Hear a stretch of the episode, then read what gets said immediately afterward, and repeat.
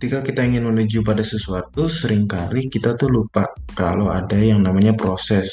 Jadi eh, proses menuju yang harus kita jalani gitu. Keseringan itu kita fokus cuma sama tujuan akhir doang. Tapi sibuk banget memikirin segala kemungkinan yang ada sampai otak tuh pusing.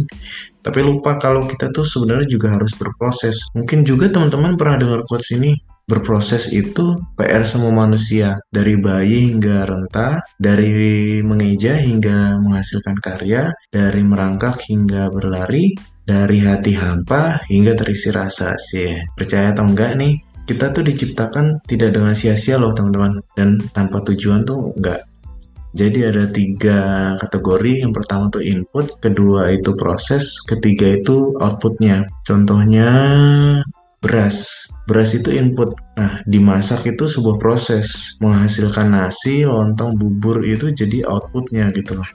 Ingat ya teman-teman, tujuan besar yang sedang dituju itu merupakan rangkaian dari proses-proses sederhana. Jadi nggak ada sebuah pencapaian besar tanpa dimulai dengan langkah-langkah kecil.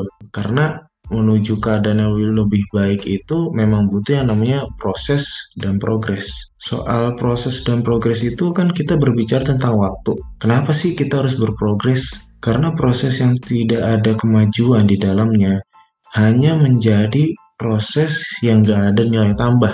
Sekali lagi nih, proses yang gak ada kemajuan di dalamnya hanya menjadi proses yang nggak ada nilai tambah. Jadi nggak ada tujuan yang tercapai dan membuat waktu kita tuh hilang aja gitu, nggak keganti dan nggak bermanfaat. Sesuatu yang dipaksain itu juga nggak berdampak baik ya buat kita. Segalanya itu nggak mudah gitu. Tapi coba kalau teman-teman berdiri mencoba mengubah jalan buat ngeraih mimpi gitu, ya harus memulai proses ini supaya bisa belajar juga ngilangin rasa takut supaya kuat Kosnya berapa sih? Ya memang mahal, proses itu mahal harganya. Nggak bisa dibeli pakai duit, orang lain juga nggak bisa ngasih, terus nggak bisa juga dikembaliin. Suatu saat teman-teman juga bangga sendiri kalau misalnya emang udah di puncak dengan luka-luka dari sebuah proses itu. Kadang juga heran sama teman-teman yang suka update status tuh disuruh kerja nggak mau, disuruh belajar juga nggak mood. Tapi ya tiba-tiba semua akan indah pada waktunya.